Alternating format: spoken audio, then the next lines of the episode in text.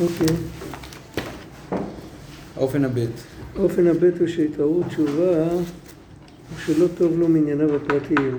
זה קצת יותר מאוזן. הראשון, הוא מתאר אותו כמו אחד כזה שלא טוב לו שהוא בתוך הגוף. הוא מסכים להיות בגוף רק אם הוא יהיה צדיק יסוד עליו. אבל אם משהו הכי קטן מתפקשש לו, אז הוא שובר, שוברים את הכלים ולא משחקים. זה טיפוס כזה. הנוכחי, הוא מדבר על משהו יותר מאוזן. התעוררות התשובה הוא שלא טוב לו מענייניו הפרטיים בסור מרע ועשה טוב. זה כבר יותר דומה לתשובה אמיתית, כן? זה, זה תשובה. לעשות חשבון נפש ולהתחרט ממה שלא טוב. אבל אצלו זה בדרך כאילו קורה משהו, וזה מביא אותו להתפעלות גדולה ביותר. וזה גם כן סיבה נכונה, כי מצד הנשמה באמת, באמת, מצד הנשמה באמת אני לא יכול לנשוא את העניינים ההופכים מאלוקות. ועל כן הוא מתעורר בהתעוררות גדולה ביותר. אבל אין זה בהרגש פנימי, הוא כותב ביידיש שזה לא הרגש פנימי, אלא הרגש של התפעלות. ועל כן ההתפעלות היא לא בהדרגה כי אם בהתעוררות גדולה ביותר. שזה מצד הנשמה, וההתפעלות היא לא בהדרגה כי אם בהתעוררות... אה, אה, הוא מאוד מאוד לא טוב לו ואינו מוצא נוחם לנפשו כלל. עד כדי כך שהוא מגיע לאותו, בערך לאותו מצב כמו הקודם, ואילו היה ביכולתו לצאת מן הגוף, היה חפץ בזה מאוד. אבל זאת הוא חפץ, זה הרי לא בידיו לצאת מהגוף, אבל זאת הוא חפץ להשליך הכל מנגד ולהיות מופשט מכל ענייני הגוף לגמרי. ורק בזה ימצא נוחם לנפשו. והיינו שברצון זה שנעשה אצלו בעת ההיא להשליך הכל, אז אם ברצון הזה הוא רוצה לעזוב את הכל, שבאמת הוא רק מדמה לבד, זה רק כוח המדמה, זה דמיון, שמדמה להשליך הכל מנגד, ובזה ימצא נוחם לנפשו, וכל זה הוא רק לשעתה. זה לזמן מסוים, וכאשר יוצא מההתעוררות הזאת, הוא בא לענייני הגוף, אינו נמצא בזה גם רושם מהתעוררות הקודמת. זה לא אמיתי, זה כאילו, זה מצב רוח חולף. זה מאוד טוב, איך שזה נראה, זה נראה מאוד טוב. אבל זה כמו, אתה יודע, מוכרים עוגות בקונדיטוריה. אז יש עוגה גדולה בכניסה, אבל היא מפלסטיק. היא נראית העוגה הכי טובה, מפלסטיק אפשר לעשות תמיד שזה יראה הכי טוב בעולם. עוגה אמיתית, לפעמים נשרפת קצת, לפעמים משהו מתקלקל. אם זה מפלסטיק, אז אין בעיה. אבל תנסה לנגוס בזה, תישאר עם, עם פצעים בחניכיים, אוי ואבוי לך. זה פלסטיק. ככה זה קורה אצלו, זה, זה מין אופוריה כזאת, יש אופוריה שמחה ויש אופוריה הפוכה. הצד השווה שבהם, שזה מין מצב רוח כזה, או, כמו אחד שדורשה, מוצא דרשן מהדרשות של רב שלום שבדרון, היו יוצאים ככה.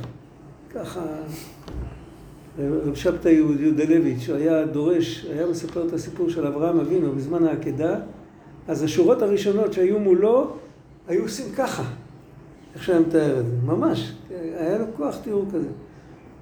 הלכו הביתה אחר כך, זה לא, הם לא השתנו האנשים.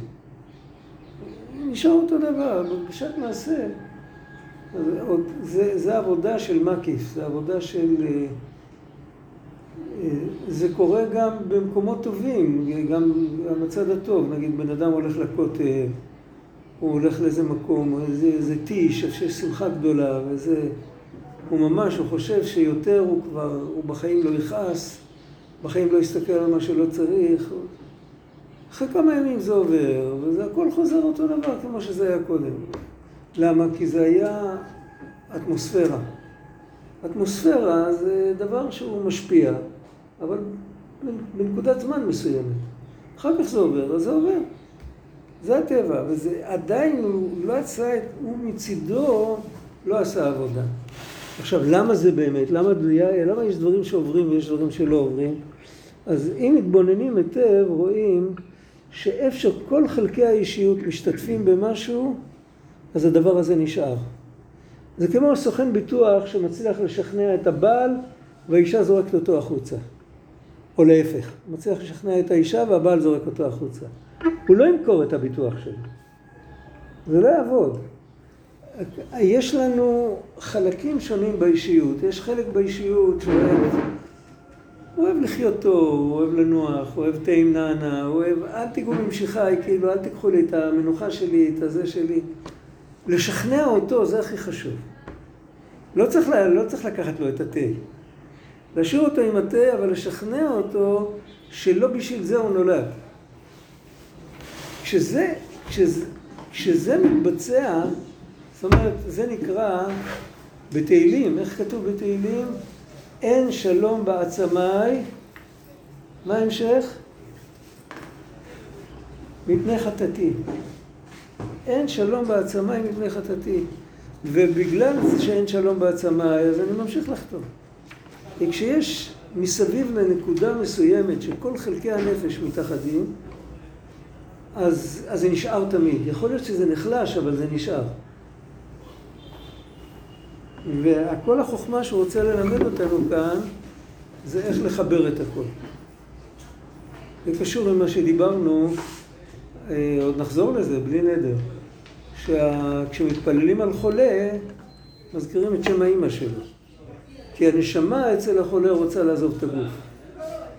וכשמזכירים את השם של האימא בתפילה, אז מעוררים את הנשמה שהיא תראה בגוף זאת אומרת, מגלים את המעלה של הגוף.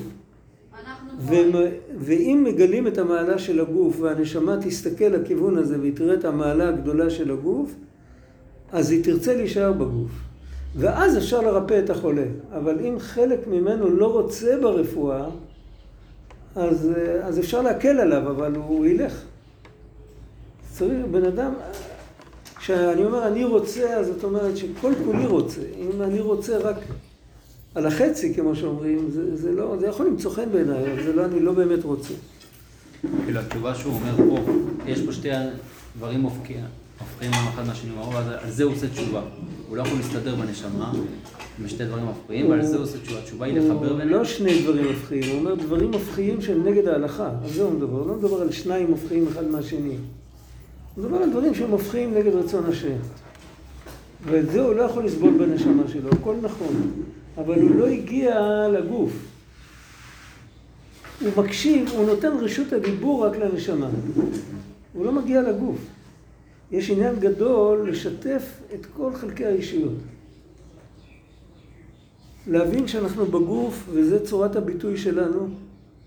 כשאני אומר אני, זה כולל גם את הגוף. ואותו דבר, יש עניין לשתף את כל המשפחה. זה לא רק הגוף, זה כל המשפחה, את החברים, לא בצורה של נודניק. נודניקים זה לא, זה לא, זה לא סיבה להצלחה, זה לא, זה לא עובד. אבל לרצות ליישר קו, כמו שאומרים, לקחת את כל, ה, את כל העסק קדימה. לא שאחד רץ קדימה ואחרים, אה, חס ושלום, יורים לו מאחורה.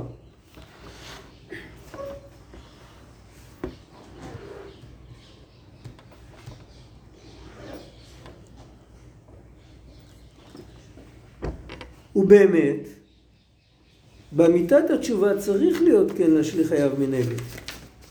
ודאי, איך כתוב שם, עד שיעיד עליו יודע תעלומות שלא ישוב לחסלה עוד, זה, זה עבודה, זה כאילו, צריך לעשות סוויץ' לשנות את עצמו לגמרי, אבל לא בצורה כזאת. אך זהו כאשר התשובה היא מן הנפש הבעמית. אם הוא מצליח לעורר את הנפש הבעמית שלו בתשובה, הטבע שלה היות שעל פי קבלה השורש של הנפש הבאמית זה בעולם התוהו. בעולם התוהו זה עולם של קצוות, זה עולם של אה, אה, קיצ, קיצ, תחושות קיצוניות. אז כשהנפש הבאמית מתעוררת בתשובה, אז יש לה רצון למסירות נפש, יש לה רצון כאילו להשליך חייו מנגד. וכאשר הנפש הבאמית נעשה לו צר מענייניו, הוא רוצה להשליך הכל מנגד, הכוונה בזה על החומריות. הוא לא רוצה לוותר על הגשמיות לגמרי, אבל על החומריות, על השקיעה בחומר, מזה נקעה נפשו, ולא לא טוב לו עם זה. כי הנפש הבעמית אין בו רצון לצאת לגמרי. לא לחיות הוא לא מסוגל. הנפש הבעמית אף פעם לא רוצה להפסיק לחיות. זה התפקיד שלו, זה להחיות את הגוף, להזרים את הדם. אז אפילו אם הוא אומר, די, נמאס לי, אם זה בא מצד הנפש הבעמית, אז זה תמיד, הוא רוצה לעשות שינוי כיוון. לא שהוא רוצה אה, ליצור בריאה חדשה, מה שלא הייתה עד עכשיו. כאילו, הוא רוצה לראות את עצמו בלי גוף. זה לא נכון. זה יכול להיות כן מצד הנפש האלוקית, אבל זה חיסרון גדול. כי הנפש האלוקית תרגיש ככה לא טוב, ותרצה לברוח, אבל זה ההפך הכוונה של השם יתברך. ו... ועל כן, כי טבעו בבחינת ירידה, הטבע שלו זה להתחבר לגוף. על כן, מה שהנפש הבעמית חפץ להשליך הכל מנגד, הוא לצאת ולהשליך החומריות שלו. נו, איך היה זה... אה, היה פעם, היה בלובביץ', היה פיישדר בלגולה, שמעת את השם הזה? לא שמעת אף פעם, בבלגיה לא שמעת משבתאי. והיה, היו כמה עגלונים כאלה בהיסטוריה של חב"ד, היה הירשל בלגולה, היה עגלון של אדמו"ר הזקן. והיה פיישדר בלגולה, היה עגלון בשנים האחרונות, לפני שברחו לרוסטוב, הוא היה עגלון שם. אז הוא פעם נכנס לרבה ואמר, רבי... לאיזה רבה? לרש"ב? לפני שברחו לרוסטוב, זה היה הרש"ב. הרבי, נמאס לי כל היום לראות מול העיניים שלי את הסוס. אני לא יכול יותר, אני פשוט לא יכול יותר. טוב, מה רבי ענה לו אני לא יודע, אבל הוא מכר את הסוס, הלך להיות שמש בבית כנסת. והוא היה, אותו תיארו תמיד כ... כאחד, כהכי פשוט, כמו שאומרים. שרצו להגיד שאפילו הוא מבין משהו, אז היו אומרים עליו. אפילו את השם שלו בלשון הקודש אף אחד לא ידע. קראו לו פיישה, מה זה, איזה שם זה? זה, זה כאילו... אף אחד לא יודע באיזה שפה זה אפילו, אין שם כזה. כנראה זה איזה שיבוש ילדות, שהוא לא ידע להגיד את השם שלו כמו שצריך, וזה נדבק לו לכל החיים. הוא היה בן אדם הכי פשוט שיכול להיות. אבל באיזשהו מקום הוא תפס וזה לא היה מקיף, זה לא היה מצב רוח כזה שעובר אחר כך. כי הוא עזב את הפרנסה שלו, והיה לו פרנסה. אבל הוא כל כך הרגיש שהוא לא יכול, אז מה הוא השליך? הוא לא אמר אני לא יכול לחיות יותר. הוא אמר אני לא יכול יותר כל היום לראות את הסוס. אחרי כך את הכל, מה הוא רואה כל היום? את הסוס. מה זה אני לא יכול, זה לא בשבילי. אז זה יכול לקרות לכל יהודי, שאם הוא חוזר בתשובה בצורה כזאת, שהנפש המאמין מרגישה את זה, אז הוא רוצה לזרוק את החומר, הוא לא רוצה לזרוק את הפרנסה, הוא לא רוצה לזרוק את, ה, את האחריות על המשפחה, לא, אבל את השקיעה בחומר, השקיעה בחומר זה משהו, זה כאילו, לא צריך לדבר על זה, אנחנו כולנו יודעים מה שזה. בדרך כלל בולמים אותו. בדרך כלל בולמים אותו מזה. כשאדם חוזר בתשובה ורוצה לזרוק הכל, לא, הוא מדבר על זה דווקא. לא, תעצור.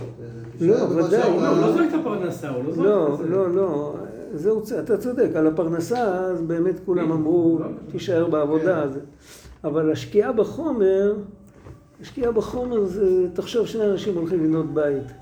אחד הולך לבנות את הבית הכי נוח, ואחד הולך לבנות את הבית שהכי דוקר לשכנים בעיניים.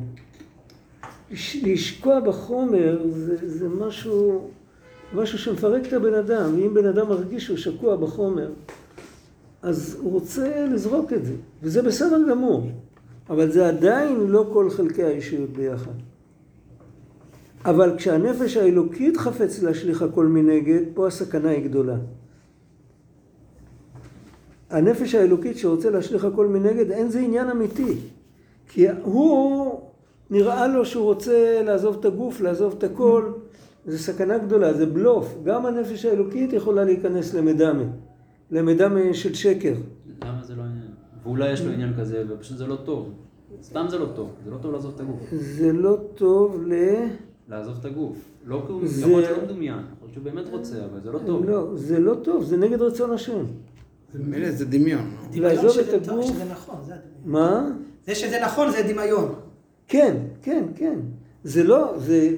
הוא מרגיש ככה, אבל הוא מרגיש, כאילו הוא מרגיש שהוא צדיק. זה בלוף. כי באמת הוא רוצה לצאת מן הגוף, רק שאינו יכול, ועל כן הוא בא ברצון להשליך הכל. ממילא גם אם הוא רוצה להשליך הכל, אפילו אם הוא רוצה להשליך רק את החומריות, אם זה בא מצד הנשמה, אז זה מסוכן. זה צריך לעצור את זה מיד, כי יכול להיות שיש כאן איזה דבר לא בריא. איך אפשר יכול להיות? שבתכלס... תלוי מאיפה זה מגיע. התחושות של הנשמה הן בדרך כלל מכוונות לשור, למקום גבוה. התחושות של הנפש הבעמית, אפילו כשהן טובות, אז הן בדרך כלל מכוונות למאס את, ה, את הנמוך. אז אם זה בא מזה שהוא ממאס את הנמוך, אז זה בסדר, אז זה לא נורא כל כך. אבל אם הוא כל כך רוצה את הגבוה, שהוא רוצה פתאום לזרוק את הכל, מה, מה זה קשור? כאילו, יש לך את הגבוה, תתפלל, תלמד, תתעסק גם בעניינים האלה, ש- כי צריך. פתאום הוא רוצה, סימן שיש כאן משהו לא בריא, בעצם הוא רוצה לברוח מהגוף. רק הוא לא יכול להגיד את זה, והוא לא יכול, הוא מפחד לחשוב על זה. אז הוא רוצה לזרוק את הכל. אבל זה, זה לא נכון.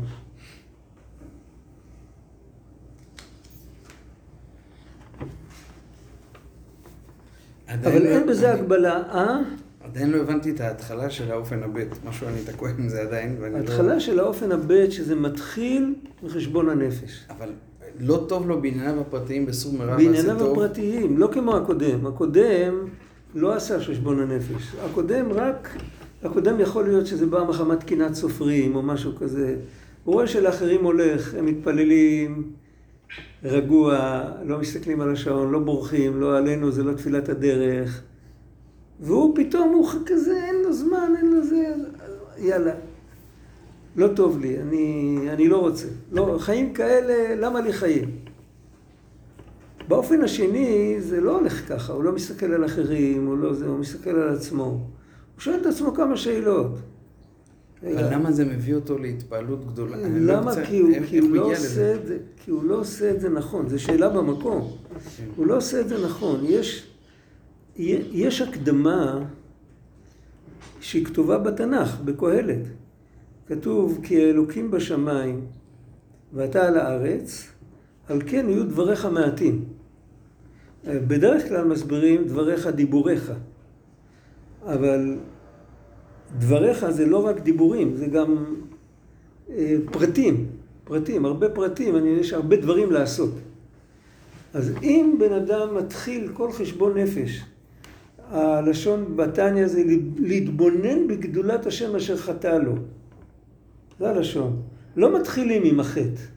חטאתי, מי אומר שזה חטא? מה קרה? אמרו לי, לא עשיתי כן, בסדר, אבא שלי, אני אסתדר איתו. אבל אם בהתחלה היהודי מתחיל עם אלוקים בשמיים ואתה על הארץ. זה ההתחלה, זה לא בדיוק אלוקים, אלוקים בכל מקום. ואנחנו גם היינו פעם בשמיים, אבל זה סמלי, זה אמירה כזאת של כותרת. אלוקים בשמיים ואתה על הארץ זה כמו שאומרים אין ארוך לך ואין זולתך, אפס בלתך ומי דומה לך. זה, זה המושג של אלוקים בשמיים, נכון, זה, זה העניין, כאילו לא שאתה לא פה, אבל אין ארוך לך. וכשמתבוננים בזה, אז דבריך מעטים, אז הבן אדם צריך לדעת שהוא בריאה קטנה, הוא שפלה, מעוטת דעת, עומדת מול תמים דעות. כתוב בהלכות יסודי התורה, הבן אדם לא מסתכל, הוא לא מסתכל שיש לו את זה לעשות ואת זה לעשות ואת זה עוד לא, עוד לא יודע, עוד לא למד תור עם בית יוסף ולא נהיה צדיק גמור ולא עשה זה ולא עשה זה. הוא מתחיל להסתכל בקטנה, ואתה ישראל, מה השם אלוקיך שואל ממך, איך אמר החפץ חיים, ואתה ישראל, מה השם דורש ממני עכשיו. אם הוא מתחיל להסתכל מה השם דורש ממני עכשיו, הדרישות של עצמו, הדרישות מעצמו, הן דרישות של פנימי, לא של אה, מקיף.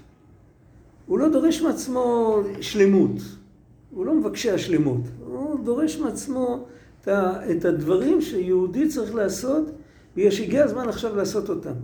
ועם גישה כזאת, ויש לו את האחריות, הוא יודע שהאחריות על כל העולמות הם בידיים שלו, הוא יכול להכריע את כל העולם לכף זכות, הוא יכול להכריע את כל העולם לכף חובה. יש לו אחריות על הכוחות של הנשמה שלו, הוא יכול לעלות מהגלות, מהקליפות, הוא יכול לעלות המון כוחות, הוא יכול גם, חס ושלום, להוריד. יש תורה מעניינת, בליקוטי מהר"ן כתוב, בתורה י"ז, בחלק הראשון, כתוב שאפילו אם גוי גוזר על יהודי שלא יעשה מצווה, והיהודי בעל כורחו לא עשה את המצווה, בעל כורחו, היה סכנה.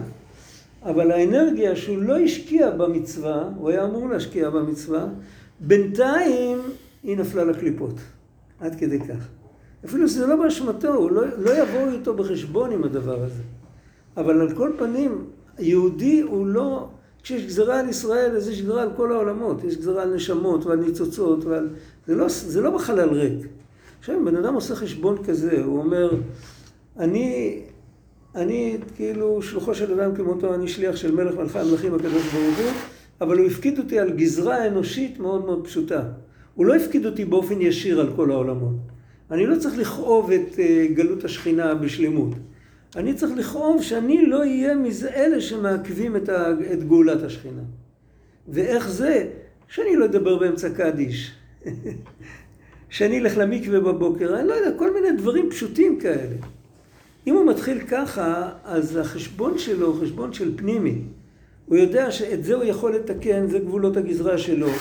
ואם הוא יתקן את זה, אז ייפתחו לו עוד פתחים והוא יתקן עוד דברים. אחד שהוא מקיף, אז הוא, הוא, הוא לא מתחיל עם אה, אלוקים בשמיים ואתה על הארץ, הוא בשמיים. הוא כאילו, הכל מתערבב אצלו.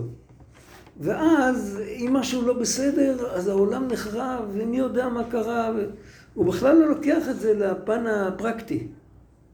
אין, אין שם פרקטיות, יש שם הכל אובססיה. וזה לא יכול להיות אמת. זה גם לא יכול... זה גם... זה... לשעתו זה עושה רעש גדול, ואחר כך כשזה חולף ועובר, אז לא נשאר מזה כלום.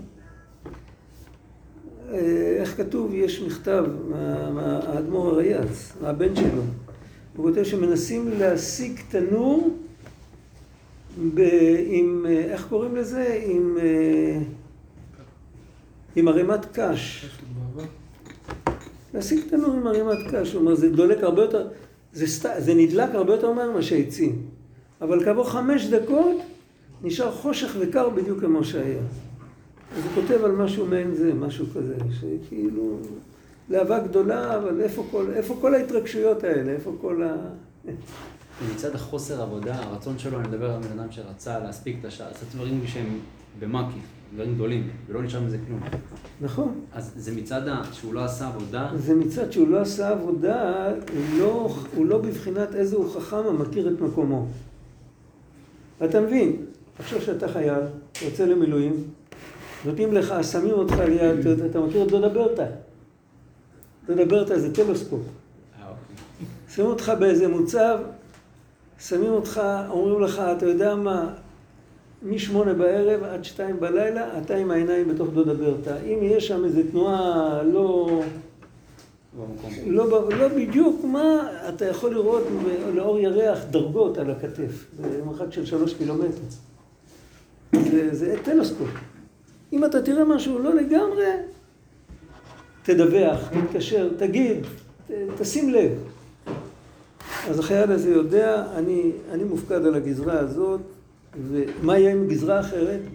שימו שם תבל אחר. מה זה מגיע לי?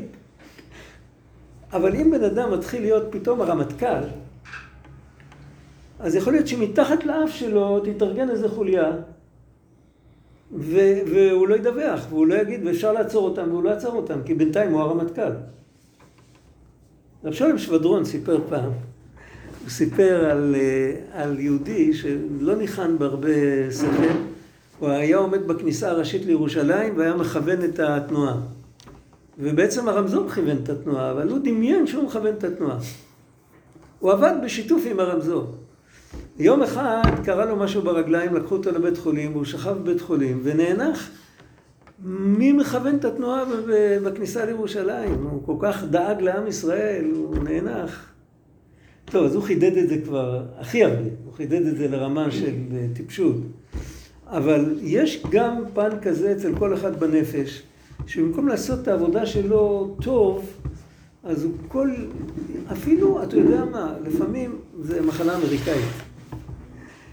אה, רבנים שנותנים דרשות, הם אוהבים לתת אה, הרצאות על המצב של העולם, ועל, אתה מכיר את זה? כל מיני דברים. תכלס בשטח, לדבר על מה שלנו כואב, מה שקורה אצלנו, כן, שלא יאכלו אחד לשני את האף, ושלא יאכלו נבלות וטרפות. על זה הם שוכחים לדבר. אז אותו, זה כל אחד מבין שזה משהו עקום, כן? אותו דבר יש ב, ב, בתוך הנפש עצמה. אם בן אדם, כאילו, הוא יודע, אלוקים על שמיים, אלוקים בשמיים, ואתה על הארץ, ודבריך מעטים, ואתה מופקד על איזה גזרה, ואתה צריך לעשות בנאמנות את מה שהוטל עליך. איך כתוב שם בבן סירה, ממופלא ממך אל תדרוש, מחוסר ממך אל תחקור, מה שהורשית התבונן. אז יש את הפן הזה גם מבחינת מעשים, מבחינת המעשים, לא רק מבחינה של פילוסופיה. ואם בן אדם עובד ככה, אז מה שאכפת לו, אכפת לו, מה שלא אכפת לו, לא אכפת לו. הוא יודע שיש דברים שכרגע לא שייכים אליו. זה זה קצת- הוא מגלה לפי לפי התחושה הפנימית שלו, שפה הוא צריך כאילו... אה, זה? לדעת מה הוא יכול להכיל. הוא רוצה לפי התחושה שלו, או שהוא צריך הדרכה לדבר הזה כדי שלא... יכול להיות שלפעמים צריך הדרכה, אבל לא זה העיקר. העיקר הוא שאם באמת הוא רוצה לעשות את רצון השם, העיקר זה הרצון. השורש של הדבר, למה יש אחד כזה שהוא מתמקד במה שהוא צריך, ויש אחד כזה שאוהב לטייל בשחקים, לשייט בעולמות, זה בגלל שהראשון אכפת לו מה השם רוצה, והשני באיזשהו מקום אכפת לו להיות מישהו. מה זה מישהו? מישהו עם... להיות מישהו. כן, להיות מישהו. להיות מישהו, להיות שכשיבוא משיח יגידו שהוא גאל את ישראל. יגידו עליו, הנה זה הביא את משיח.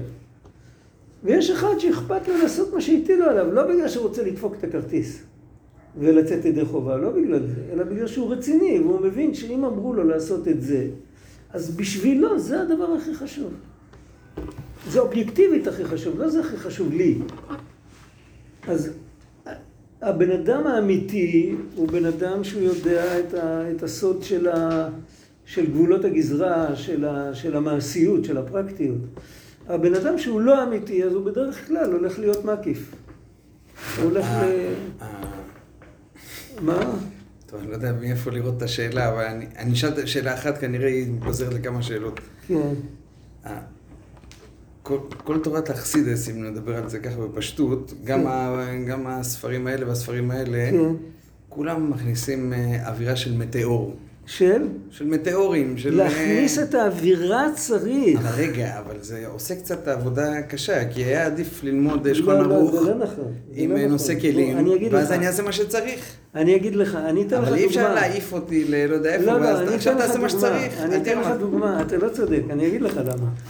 זה חלק ראשון בשאלה. אוקיי. לא, מה? עוד שאלה. אוקיי, בסדר. אני אתן לך דוגמה פשוטה. תחשוב יהודי פשוט, הוא לומד כל יום בין מנחה לערבית, ילקוט יוסף ופלא יועץ. זה גבולות הגזרה שלו, ועם זה הוא חי וזה...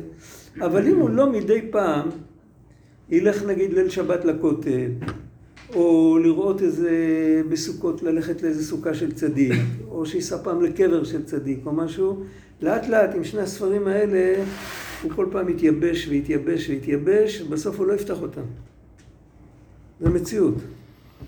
בשביל זה יש חגים, בשביל זה יש, אה, אה, בשביל זה יש פורים, בשביל זה יש... אווירה צריך לספק. לא מספיק אוויר, צריך גם אווירה. והאווירה הזאת צריך לחזק את המקיף בנפש. ועם ה, עם ה, עם הרצון לעשות את רצון השם, בן אדם צריך להגיד לעצמו, אוקיי, קיבלתי כוחות, אני יכול לפתוח שם את הדלת? פתוחה. היא פתוחה? כן. כן, נכון. לא. חיבינו את המזגן פשוט. מה זה? חיבינו את המזגן, היה אוויר, חיבינו את המזגן. המזגן נותן אוויר, המזגן רק אה, עושה מניפולציה. עכשיו יהיה אוויר. תודה רבה. אז תגיד שהמזגן בורא אוויר. אה, אה, על כל פנים, אה, אז זה ברור שהוא צריך את שניהם. כל מה שלומדים זה טוב בשביל לדעת שהפה ועכשיו זה לא הכל. הרי בפסוק שאמרנו יש את האלוקים, השמ... האלוקים בשמיים, לא רק את האתה על הארץ. ההתחלה של הפסוק זה מהאלוקים בשמיים. ההתחלה של כל העבודה זה להתבונן בגדולת השם שאין ארוך לך, ושהכל עין ואפס לגבי הקדוש ברוך הוא. אבל אני, אני הקטן, אני צריך להיות פה ולעשות מה שציוו אותי. זה לא קשור. אם בן כן, אדם אבל שוכח... עדיין אמרת מקודם, אה? עדיין אמרת מקודם שיהודי פה בעולם, אז הוא צריך לדעת שאם הוא עושה טוב, אז כל האנשם, כל ה... הכל נכון, אני צריך לדעת... רק הידיעה הזאת שכל העולמות זזים בעקבותך לכאן או לכאן, אז אני חושב, עוד פעם, אני חושב שזה ייתן לה... אני, אני לא חושב. אני, לא, אני לא חושב כי אני לא יודע. אבל רואים, אם נגיד אה, שליח עכשיו אה, הלך ל... לא יודע איפה, למקום שכוח. אם יגיד לו, כן. תקשיב, תעשה את העשר סנטים שלך, סביר להניח שהוא יישאר בעשר סנטים שלו, ואם יגידו לו, אתה מזיז את כל העולמות ואתה מקרב משיח ויעיפו אותו, עדיין אני חושב שזה יכול לא לסתור את הרצון, את הרצון הפנימי, שזה, שהוא מקיים את רצון השם. יש פה איזה משהו שעשית שתי עניינים ואני לא מבין למה אי אפשר לחבר אותם. הקדוש ברוך הוא יכול לתקן את העולמות בלעדינו. זה פיקס, ברור. הוא רוצה שאנחנו נזכה שדרכנו זה יגיע. אבל איך? לא על ידי זה שאנחנו אה, נשדרג את עצמנו כמתקני עולמות. כי אז העולמות לא יתוקנו. אלא על ידי זה שאנחנו נהיה מופקדים על הגזרה שלנו ונעשה מה שאנחנו רוצים, אז הוא מספר לנו שעל ידי זה אנחנו מתקנים את העולמות. אנחנו לא באמת מתקנים את העולמות. יש לנו ידע מה מקולקל שם, ומה, אתה יכול לתקן מכשיר שאתה לא מכיר אותו. זה לא נקרא שאתה מתקן. הקדוש ברוך הוא החליט שהתיקון יגיע אם אתה תעשה כך וכך. אז זה נותן לך חיות, זה נותן לך אחריות. אז- אבל התיקון צריך אבל אז להיות... אני לא מבין למה, נגיד הרבה במאמרים נו, אומר שקבלת עול מגיעה עד העצמות, וזה נחת נו. לבורא, ולא... כן. זה הרי כל המילים האלה זה דברים שנותנים לך את כל ה... זה נותן לך ערך למה שאתה עושה, לפי, מה שאתה אומר. עזוב, זה, זה, זה לא... לא, לא שאין ערך למה שאני עושה, אבל זה לא הערך שלי, זה הערך שהשם נתן. למה יש צורך לספר על כל זה אז? אם אני, אפשר, אני לא אמור לדעת בכלל מה קורה שם. שאתה מחלק לשניים, אז אתה טועה. אוקיי. יש כאן שלוש, אוקיי. לך תמיד. כל דבר זה- מתחלק לשלוש. ידעתי שזו שאלה שמתפזרת. ולימדו אותנו בגיל 18, 17 וחצי, שכל דבר מתחלק לשלוש. אוקיי. כשמחלקים דברים לשניים תמיד מתבלבלים. יש מצב שבן אדם לא מחשיב את מה שהוא עושה. יש לפעמים שבן אדם מחשיב את מה שהוא עושה כי זה חשוב לי. בדיוק, היום ישבנו, ישבתי ברמת השרון וקראנו את הסיפור של הבנים שהתחלפו. וגם על זה מבוססת ההלכה שם. והחכם אומר, מה המלך צריך אותי? איך יכול להיות שהמלך חכם שלח אחריי? אה? ותם או... חמתם או בן מלך החכם שפחה? והתם, לא הבנים שהתחלפו, אה. החכם ותם. אני, אני טעיתי. פה הוא מדבר על הבנים שהתחלפו, זה לא אותה כן. הלכה. אז שם החכם אומר, איך יכול להיות שהמלך שלח אחריי? מה הוא צריך אותי? חסר לו חכמים? על מה מבוסס החשיבה הזאת? החשיבה הזאת מבוססת שאף אחד לא עושה משהו שהוא לא מרוויח מזה. אולי המלך שלח אחריך לטובתך בכלל. מי אומר שהוא שלח כי הוא מרוויח מזה? מי קבע? מאיפה, מאיפה היסוד, ה, היסוד הזה? היסוד שלך מוטעה. אבל החכם שיושב כנגדו הוא גם באותו משבצת.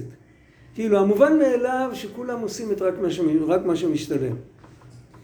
עכשיו, אם בן אדם נמצא במקום הזה, הוא נמצא, וכולנו נמצאים בתחילת העבודה, עדת הדנף, שכולם נמצאים במקום, שהדבר הוא חשוב, והדבר חשוב לי, זה עוד היינו הך. אם הוא לא חשוב לי, אז הוא לא חשוב. לא שהוא לא חשוב אובייקטיבית, אבל האובייקטיביות לא מעניין אותנו. אם הוא חשוב לי, אז הוא חשוב. ואם אומרים לי שלעשות רצון השם, קבלת עול מלכות שמיים, זה עושה נחת רוח להשם יתברך בעצמו, אז זה חשוב, אז אני מיד מתרגם את זה שזה חשוב לי, וזה טוב לי, ואני רוצה להזדהות עם זה. ואז אני מגיע להיות כזה טיפוס ש... שכאילו הוא באופוריה והוא בעננים, ואחרי זה הוא רואה חביתה, הוא לא יכול להתאפק. עכשיו, לעומת זאת, אם הבן אדם הוא פטור רק מהבסיס הלא נכון הזה. קודם כל, מה שחשוב באמת ומה שחשוב לי, זה שני עולמות. זה קודם כל. זה כתוב בפסוק של אלוקים בשמיים, ואתה על הארץ, על כן היו דבריך מעטים. העומק של הפסוק, עומק הפשט, לא עומק על פי לא יודע מה. עומק הפשט זה שזה נכון, יש דברים שחשובים לך, ואתה היצור הכי חכם בכדור הארץ, זה גם ספק גדול. בעלי חיים עושים פחות שטויות מבני אדם, אבל זה עוד סיפור. אתה היצור הכי חכם בכדור הארץ, ואתה הכל טוב וזה, אבל זה מה שחשוב לך. איך אמר בעל התניא לאותו חסיד? אתה, אתה אומר רק מה שאתה צריך, אבל אתה לא אומר בשביל מה צריך אותך. אתה זוכר את הסיפור? הרב זמין מביא את הסיפור הזה.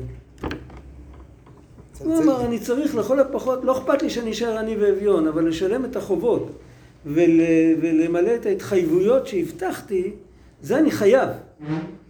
אז הוא אמר לו, אתה אומר רק מה שאתה צריך, ואתה לא אומר בשביל מה צריך אותך. אז הוא הלך, ישב בבית כנסת, למד תורה. אחרי כמה ימים הוא קרא לו, ואמר לו, לפי הנוסח שמופיע אצל הרב זבין, הוא אמר לו שעכשיו שאתה יודע בשביל מה צריך אותך, עכשיו השם ייתן לך מה שאתה צריך. וככה זה מופיע אצלו, יש לזה עוד נוסחאות, לא משנה, אבל על כל פנים, ההפרדה בין מה שטוב לי למה שטוב בעצם, ההפרדה הזאת יוצרת את כל ההבדל. אם בן אדם מזהה את שני הדברים האלה, אז uh, הוא יכול ללמוד את כל החסידות ואת כל המאמרים ואת הכל, והוא יוצר מין uh, בועה, בועה נפוחה, בלון שעף הכי גבוה בעיר, ויש עליו את כל הפרסומות ואת כל העניינים, אבל סיכה קטנה מפוצצת אותו. האם בן אדם נסגר על זה שזה טוב כי זה רצון השם, זה, אז, אז זה כמו שהוא נוטע עץ, והעץ נותן שורשים באדמה, כי ימי העץ ימי עמי. כי האדם עץ השדה. האדם צריך להיות נטוע, איך כתוב בפרקי אבות, ענפיו מועטים ושורשיו מרובים. כי הענפים זה ההתפשטות. זה לאן שהוא רוצה להגיע, ככה. השורשים זה האמת. אם השורשים מחוברים למקום באמת, אז הם יכולים להכיל את כל כולו, ואם בחורף קר לו ואין לו שמש, אז הוא מוריד את העלים, והוא מחכה שהשמש תחזור והעלים יחזרו. הוא לא, הוא לא מת בגלל זה. זה ברור, זה, זה הבדל עצום. אני רוצה עדיין לשאול, היה פה אתמול, אני רוצה לשאול מי? דוגמה, אני שואל דוגמה על מישהו, אני יכול לשאול את זה גם על עצמי, כן. אבל פה זה ככה יותר מחדד. היה איזה יהודי אתמול, הגיע לסעודה שלישית, כן. תחילת, תחילת כן. דרך, בוא נקרא לו, כן. הוא קלט שיש אופציה כזאת, המתפלל על חברו נענה תחילה. כן. הוא פתאום הבין את הסיטואציה הזאת, הוא התפלל על מישהו וזה עזר. עוד לפני שזה עזר לו, והוא דלוק. כן. יצא מזה דלוק, סיפר את זה פה בסעודה שלישית, וכאילו להגיד לו, אל אהבת ת- לעצמך, זה, אל למה. להרוס לו? אל תגיד כאילו, לו כלום, לא, אל תהרוס לו. חכה. אבל הוא גם בסוף יאכל את החביתה. נכון, נו. שיאכל, שיהיה לו לבריאות, העיקר שזה יהיה כשר. לא, אבל יגיע יום, אתה לא בטוח, אוקיי. לא, לא, לא, יאכל. יאכל את החביתה כשרה, נו, אבל... אוקיי, אבל יגיע אתה דיברת על יום, חביתה כשרה גם מקודם, יגיע נכון? יום, חכה, הקדוש כן. ברוך הוא הרי דואג לכולם. יגיע יום שההתלהבות שלו. תפסיק, ואז הוא, אז הוא יבוא לשאול. וכשיבוא לשאול, זה כמו אחד שבא עם כלי. השאלה זה כלי. ואז אתה יכול לתת לו מה שצריך. אז אתה יכול ל- ל- לפתור לו את החלום.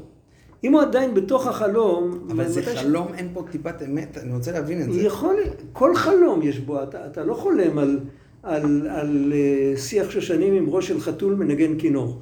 אתה חולם על דברים שהם מעשיים, שהם... הם, אה, אפילו שאתה מצרף כל מיני דברים, אבל אתה, אתה, אתה חולם על דברים שקורים. יש מי יש. רק זה, זה יפה בתור, אתה יכול לכתוב על זה ספר, אבל זה לא קיים. ודאי שהיהודי הזה הוא מלא כישרונות ומלא כוחות, מלא הכל, אבל, אבל זה עדיין לא ה... זה, הוא עדיין לא במקום הנכון. בסדר, השם אוהב אותו. השם שלח לו את זה בתור סטארטר. זה הסטארטר שלו. אבל אי אפשר, אם אין לך דלק ואתה נוסע על הסטארטר, הבטריה נגמרת ואז אתה תקוע לגמרי. לנסוע צריך על דלק, לא על הסטארטר, זה ברור? והוא נוסע על הסטארטר. ואז, אז מישהו באיזשהו שלב, עם יהודי כזה אתה גם לא תפתח ספר כזה. באיזשהו שלב צריך להסביר לבן אדם את האמת, מאיפה זה מתחיל. בשביל זה התורה לא מתחילה משובו בנים שובבים, התורה מתחילה מבראשית ברא אלוקים. למה התורה מתחילה מבראשית ברא אלוקים? כדי שבן אדם ידע את גדולת השם. זה האלף בית הראשון, בן אדם צריך לדעת שהשם ברא אותו ובורא אותו שהשם מבקש ממנו משהו, אז לא לשמוע בקולו זה להיות כפוי טובה. וכן לשמוע בקולו זה הדבר המובן מאליו הכי בסיסי שיכול להיות. שאין בזה שום ספק. זה, זה מתחיל הבראשית ברא אלוקים. עכשיו אני יודע שלא שמעתי בקולו, אז יש לי לאן לחזור. אני יודע שקודם כל אני לא רוצה להיות כפוי טובה. זה אפשר, זה אותו, אותו דבר במילים אחרות. עכשיו אם אומרים לי שעל ידי זה יש לקדוש ברוך הוא נחת רוח, אני מקבל את זה, לקדוש ברוך הוא יש נחת רוח, שהבנים שלו הם לא כפויי טובה. אבל אני לא מערבב את זה עם הנחת רוח שלי, אני עשיתי נחת רוח לקדוש ברוך הוא. זה שני עולמות שונים. זה עולם של מקיף, זה עולם של פנימי. המקיף הוא מתבלבל. וזה, זה מחלה שצריך לרפות אותה. אבל אפשר. הרב, יש משהו אבל.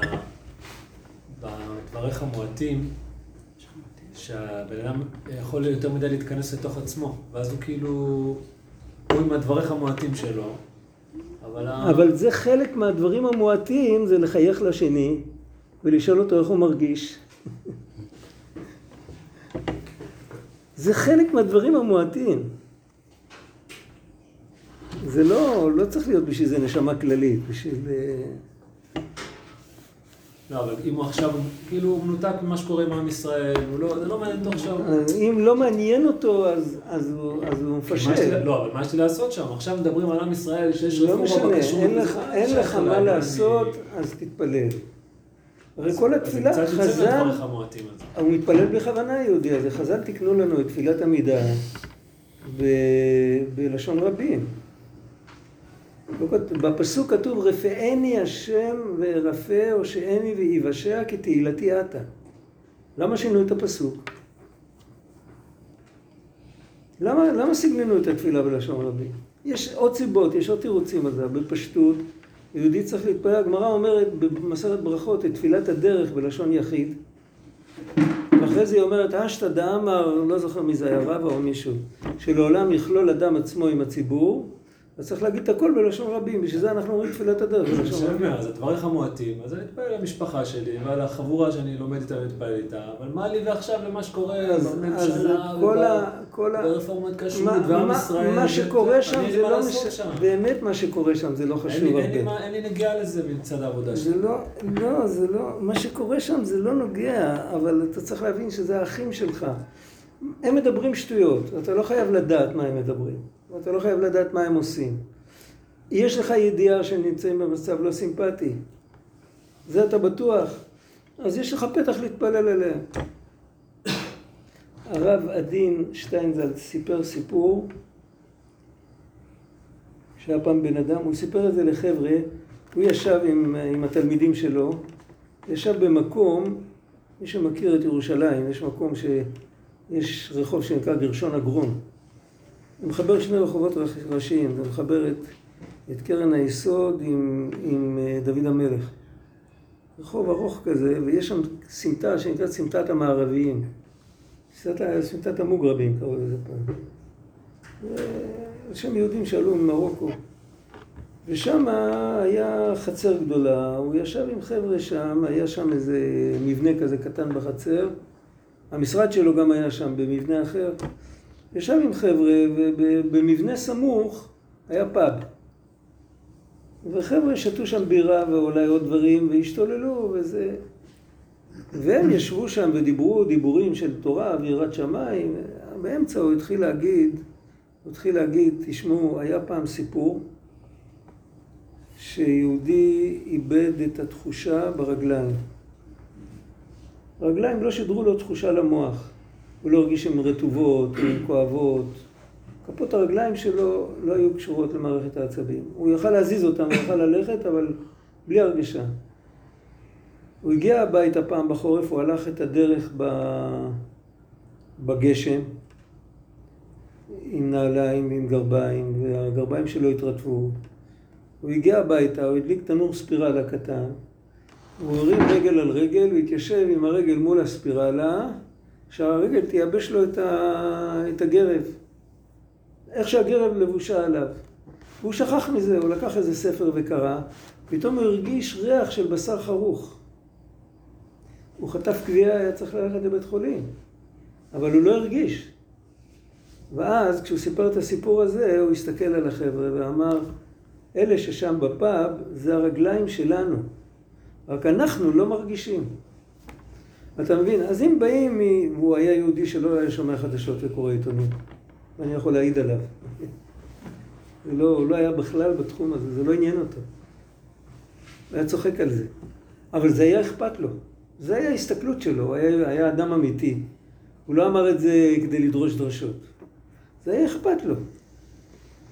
והוא התכוון לכוון את החבר'ה איכשהו, לא יודע איך מתחילים לתקשר עם יהודים כאלה, אבל יש, יש איזה דרך. הוא רצה שיהיה להם איזה... אבל על כל פנים, אז ודאי שקודם כל צריך להתפלל על עצמנו, שכן נרגיש. אבל אחרי ככלות הכל, לפחות את התפילות שחז"ל תקנו, לפחות. אז אה, באמת לכלול את כל ישראל, אנחנו אומרים לפני התפילה, מצוות עשה של ואהבת לרעך כמוך, דרך אגב, בקיצור שולחן ערוך, זה דבר שאנשים לא שמים לב אליו. כתוב שלפני כל תפילה, שיגידו הרי אני מקבל עליי מצוות עשה של ואהבת לרעך כמוך, לפני כל תפילה. כתוב הלכה בקיצור שולחן ערוך, אף אחד לא חולק על זה. אנחנו לא עושים את זה. אנחנו לא עושים את זה בדיבור, לא עושים את זה במחשבה. אבל זה התפקיד שלנו. הרב? כן. מה המקור של זה? הרב גנצפרי אמר את זה, אבל מה? המקור של להגיד אה, ואהבת לרעך כמוך לפני התפילה, זה מכתבי אריזה, אני חושב. אני לא זוכר כרגע. אה, צריך להסתכל בספרים שבאחרונים שמביאים את זה. אלה שיש להם מקורות למטה. צריך להסתכל. איפה יכול להיות כתוב דבר כזה? בכף החיים צריך להסתכל. בכף החיים על שולחן ערוך, שם, צריך, שם הוא מביא את המקור תמיד. אז הדלק של אותו יהודי, זה עצם זה שהוא לא יהיה כפוי טובה, זה הדלק שלו בעבודת השם. זה אותו דבר, הרצון לא להיות כפוי טובה, הוא על כל פנים, הוא נותן כיוון נכון. הרצון להיות משהו זה כיוון מזויף. זה טוב בתור סטארטר, אמרתי. זה טוב בתור לעולם יעסוק אדם בתורה מצוות שלא לשמה, שמתוך שלא לשמה יבוא לשמה. אם הוא יודע שמתוך זה יבוא לשמה ואת זה מה שהוא רוצה, אז זה עוד טוב. אבל אם הוא רק שם, אז אה, היה סיפור, אה, היה עוד סיפור, היה בחברון היה סיפור. שמעתי את זה מאחד מהצאצאים של היהודים החברונים. שהיה רב שמעון מנשה חייקין, הוא היה יהודי זקן, הוא כבר היה בן מאה אז, והיה לו חבר צעיר לימים, בן שבעים, שהוא היה ראש ישיבה, אה, שם קראו לזה ישיבת סלובודקה, היום קוראים לזה ישיבת חברון, כשזה עבר מחברון לירושלים, זה הפך להיות ישיבת חברון. אז זה הגיע מסלובודקה לחברון, רב שמעון מנשה חייקין היה חסיד של אדמו"ר האמצעי. והם היו ידידים, הם דיברו ביניהם בעבודת השם וזה. אז אה, יום אחד אמר אה, הראש ישיבה, המשגיח בישיבה שם, הבחור הצעיר בן השבעים, הוא אמר שאני כל כך הרבה שנים אה, מנסה לעבוד ולהתקרב וזה, ואני עדיין כלום. אז אמר לו רב שמעון מנשה, אני יותר שנים ממך מנסה להיות כלום ואני עדיין משהו. יכול להיות ששניהם התכוונו לאותו דבר וכל אחד אה, ישתמש בביטוי אחר. אבל זה לא משנה, הדיבור לא משנה, אבל הנקודה היא שיהודי, עיקר הנושא של עבודת השם זה שזה יהיה למען שמו באהבה. כמו שאצל לא, השם... אני, אגיד לך מה אני שואל. בדרך כלל אדם יכול לעבוד, לעבוד, לעבוד, לעבוד, ולפעמים יש איזה פידבק שאתה מקבל, אתה יכול לקבל את זה, אחרי הרבה זמן ממש מרגישים את זה. שהפידבק הזה כל כך משמח אותך, שאתה אומר, יש פה משהו. זה נותן לך. אז כל הפידבק זה רק סטארטר, זה רק דלק, זהו. לא, הפידבק הזה הוא טוב למצב שאני עדיין מסופק אם יש פה משהו. שאם אני, אני כבר לגמרי בטוח שיש פה, תחשוב על זה שאחרי כל כך הרבה שנים שאתה יהודה, אז בא מישהו אחר, מסתכל עליך ואומר, אתה באמת יהודה. הוא עושה לך משהו? לא עושה לך כלום. אין, לא היה לך ספק שאתה יהודה. זה לא, זה לא מוסיף כלום. אם בן אדם באמת סגור על הנקודה הזאת של אני נבראתי לשמש את קוני, הוא לא צריך שיגידו לו שום דבר מיוחד, לא צריך שום דבר, לא לספר לו שבשמיים מעריכים אותו ולא בארץ מעריכים אותו. איך כתוב ברמב"ם? תסתכל בהלכות תשובה, עושה האמת מפני שהוא האמת. וסוף הכבוד לבוא. יש לנו אמונה שבסוף בן אדם מקבל שכר והכל, אבל זה לא הדלק שלנו. הדלק שלנו זה, הדלק יכול להיות בינתיים. לעולם יקיים, ילמד תורה ויקיים מצוות שלא לשמה, שמתוך שלא לשמה יבוא לשמה. זה לא כמו שני מבוגרים שמדברים אחרי הגב של הילד, אומרים לו יאללה תביא לו מסטיק, עוד יגדל צדיק כשהוא יהיה גדול. זה לא הפשט. הפשט הוא שאומרים לבן אדם, אומרים לילד, עכשיו אתה לומד בשביל מסטיק כדי שלא תישאר בור ועם הארץ. אבל בתורה הזאת שאתה לומד עכשיו בשביל המסטיק, היא תשכנע אותך שיבוא יום שתרצה ללמוד תורה בשביל התורה, לא בשביל המסטיק. אומרים את זה לילד. זה חלק מהחינוך שלו. כל, המ... כל המושג של חינוך זה לגלות את מה שכבר קיים. קיים בילד נשמה חלק אלוקה. זה נכון, פה בפנים יש מישהו שמה שהכי הרבה אכפת לו זה שרצון השם יהיה. כל היתר לא מעניין אותו. וזה יכול להדליק? מותר שזה ידליק דבר מה? כזה? שאתה אומר, אני לא נבראתי לשמש את קוני, וזה מדליק אותי. זה בסדר? או שאני ב... ב... זה, זה בסדר גמור. זה מדליק אותי שאני, שאני רוצה זה לעשות בסדר בשבילו. גמור, אבל או שזה לא אמין, משהו לא אמין זה, שם? זה אמיתי. רק אפשר לפרש את זה, יש לפרשו בבית פנים, תבין אותי.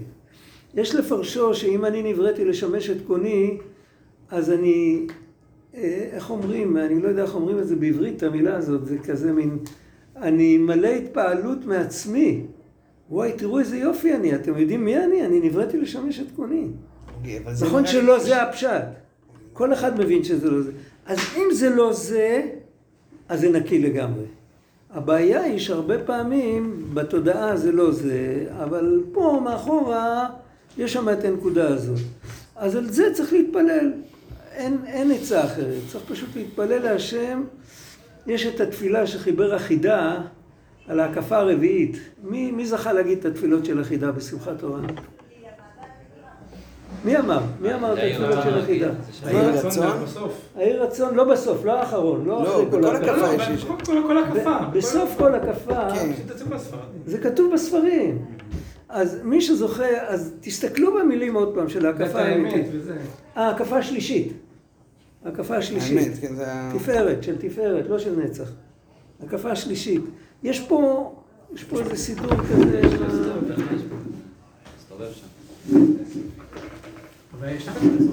פה. איזה סידור זה? יש את זה פה, שנייה. יש את זה פה. זה נס גדול. אה? לא, אנחנו כולנו אומרים את זה פה, אז... יש פה, יש פה, לדעתי יש את זה פה. זה יויסף. השלישי, נכון? זה? הנה. ותהיה כל מגמתנו לבקש האמת.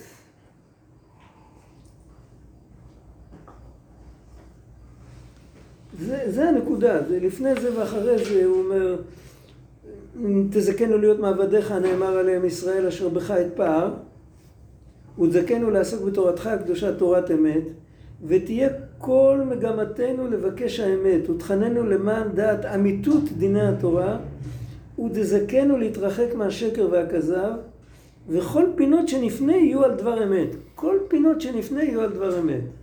בקשה מיוחדת, הרבי פנחס מקוריץ היה אומר שיהודי צריך כל יום להתפלל, איך ככה אמר? אה, נחני בדרך אמת. ככה שמעתי מאבא שלי שהייתי ילד קטן. שזה זה צריך להתפלל כל יום, לא משנה, תשעה באב, יום כיפור, שמחת תורה, פורים, לא משנה, באיזה... כל יום יהודי צריך... להת- מה שהוא עושה, אבל שזה יהיה באמת, שזה יהיה מבוסס על אמת. אם זה מבוסס על אמת, מה שצומח מזה, זה משהו מאוזן, זה לא משהו עם קצוות, הוא לא פתאום, אה, הוא לא פתאום מתלהב ורוצה לעזוב את הגוף, ופתאום אה, משאיר את המשפחה שלו רעבים והולך לזה. אני זוכר, היה רב שלמה חיים. אני לא, אני לא זוכר מי סיפר את זה. היה רב ניסן בצרפת, זה ודאי עליו שמעת. אז הם פעם נפגשו במצב כזה, היה... אה, היה היו. ביחד אחרי השואה בצרפת. הם היו ברוסיה ביחד. אה, ברוסיה? ברוסיה הם היו ביחד. אה, רב ניסן היה עוסק בעבודת השם כל היום. היה קם באמצע הלילה. עד, עד עלות השחר הוא היה הולך מקיר לקיר ולומד בעל פה כי לא היה לו כסף לקנות נר. והקירות נטפו קרח, זה היה בחורף. והבני בית שלו היו מכוסים עם שמיכות קרועות. ו... ושלמה חיים הגיע פתאום, הוא הגיע באמצע הלילה, הוא הגיע ל... והוא ראה אותו ככה, אז הוא נתן לו על הראש. אמר לו, מחר בבוקר, שם מי שלא עבד, לא יכל לחיות, לא היה, לא היה מקבל לחם. אמר לו, מחר בבוקר אתה מחפש עבודה, ואתה מתחיל לפרנס את המשפחה שלך. אתה לא ממשיך להיות ככה. מעשה שהיה. מה? היה לי סיפור ש... היה לי סיפור, יש לי סיפור על איזה... אני לא זוכר מי זה, אשתי סיפרה לי גם כן.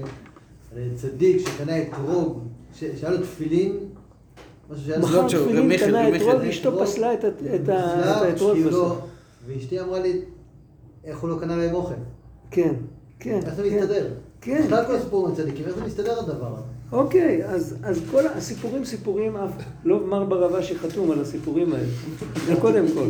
אבל בתכלס, השאלה שלה היא צודקת. השאלה שלה היא צודקת. לגמרי. השאלה שלה היא צודקת. הקדוש ברוך הוא ברא את הבן אדם שיעשה את רצון השם, לא שיעשה את רצון עצמו. אם בן אדם עובד את עצמו, הוא לא עובד את השם. לא צריך להיבהל להגיד את זה, זה לא... כאילו, רוצים לעורר אנשים, אז עושים להם כל מיני כאלה. אבל זה לא הדרך. זה לא נכון. הרב, העבודה עם האמת, זה, כל, זה לפי דרגות. אני הכי אמיתי שלי, אני גם, אני לא יודע, בסוף אני נוגע, אני... זה... תשמע,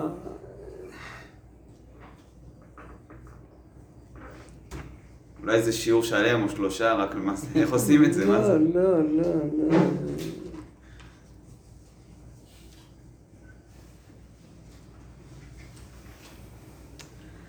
עוד פעם, לא מדובר פה על להגיד אמת ולא לשקר. זה, כל אחד מתמודד עם זה.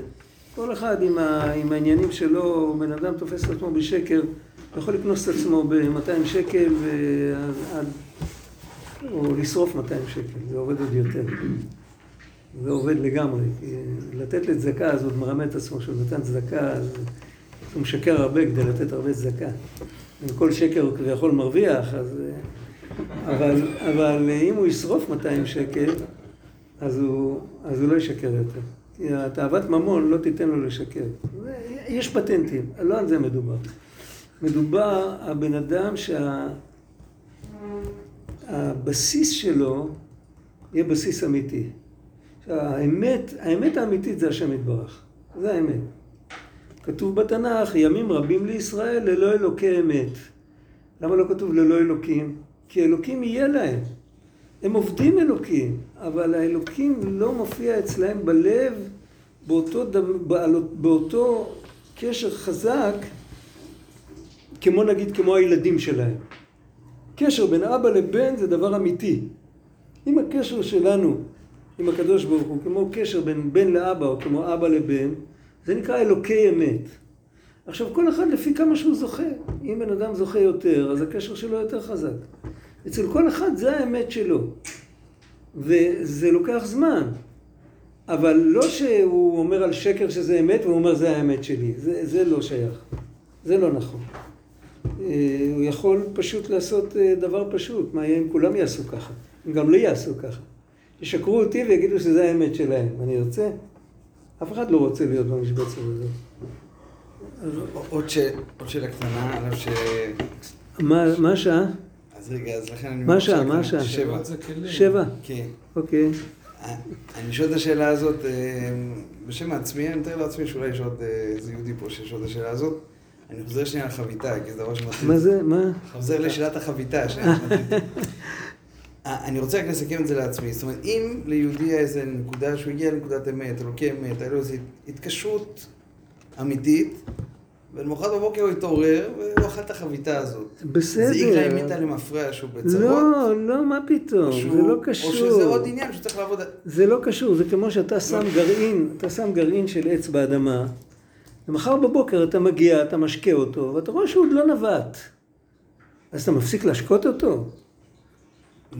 זה אוקיי. לוקח זמן, הדברים האלה לוקחים זמן. ממתי שבן אדם באמת מתחבר, עד מתי שזה משפיע על המחשבות שלו ועל הדיבורים שלו, זה לוקח זמן. להפך, הדברים השקריים, הם משפיעים מיד ומתפוגגים מיד. עשב בר, עשב מזיק, אחרי יום הוא נובט, ואחרי שבוע הוא כזה גבוה, להישמדם עדי עד. בפרוח רשעים כמו עשב. ו- ואין ממנו תועלת ואין ממנו כלום. ודבר אמיתי, עגל גודל יותר מהר אבל מילד. זה לא יחזיק. יום.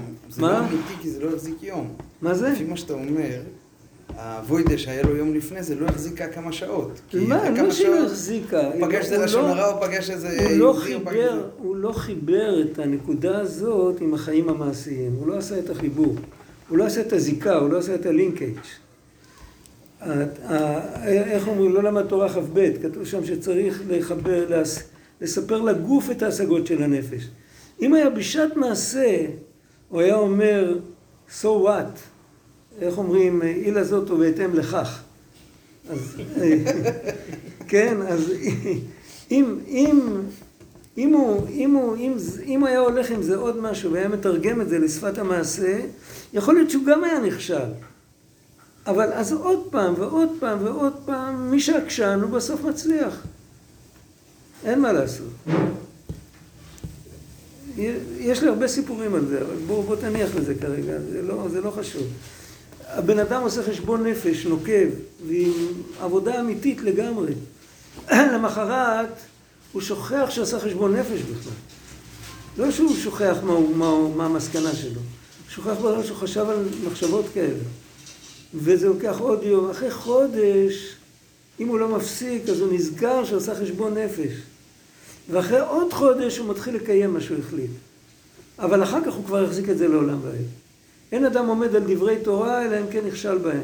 אם הוא מראש מוותר, הוא אומר זה לא אמיתי, זה לא זה, אבל היסודות צריכים להיות אמיתיים. האם זה בא בגלל שהוא רוצה להיות אישיות חשובה? אפילו אם זה תת-הכרתי, זה לא מחזיק מים, כי אישיות חשובה אף, אף פעם הוא לא יהיה. היה לי חבר שהראש ישיבה נתן לו ללמוד חברותא עם בחור שהגיע מהטכניון. וה... והם למדו טוב, והחבר הזה מצא פתק בתוך הגמרא של הבחור מהטכניון, והיה כתוב שם כל מיני הנהגות שהוא כתב לעצמו. והוא סיפר לי את זה, הוא לא סיפר כלום מה היה כתוב שם, רק את השורה הראשונה הוא אמר אני אספר לך. אה, מה היה כתוב בשורה הראשונה? היה כתוב, אל תתפעל ממה שהזולת חושב אודותיך, כי הזולת איננו חושב. נקודה. זהו. לא כתוב שהוא לא חושב עליך, הוא לא חושב. כאילו אין לו על מה לחשוב, כאילו מה...